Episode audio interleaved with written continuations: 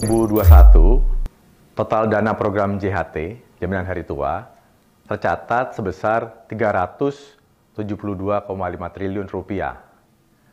Hasil investasi JHT tahun lalu sebesar 24 triliun rupiah. Dan iuran JHT tahun lalu sebesar 51 triliun rupiah. Sedangkan pembayaran klaim JHT sebesar 37 triliun rupiah. Yang mana sebagian besar ditutup dari hasil investasi pembayaran klaim tersebut. Dengan demikian, dana JHT dapat berkembang dengan baik dan tidak terganggu dengan pembayaran klaim.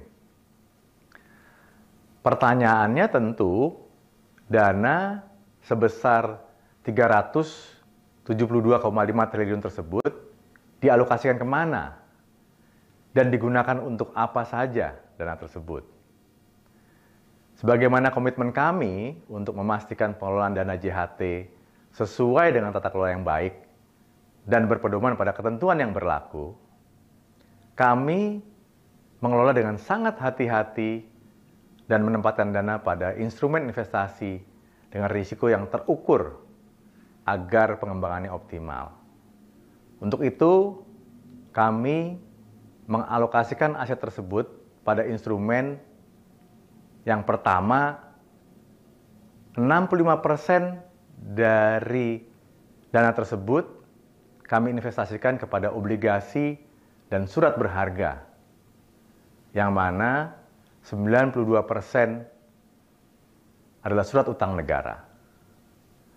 Yang kedua, 15% kami investasikan di deposito, yang mana lebih dari 97% ada di Bank Himbara dan Bank Pembangunan Daerah. Yang ketiga, 12,5% kami tempatkan di saham, yang didominasi oleh saham-saham blue chip termasuk di dalam indeks RQ45. Yang berikutnya 7% kami tempatkan di reksadana, di mana reksadana tersebut berisi saham-saham blue chip yang juga masuk dalam LQ45. Dan yang terakhir, setengah persen kami investasikan di properti dan penyertaan langsung. Dengan demikian, dapat dikatakan portfolio investasi jaminan hari tua aman dan liquid.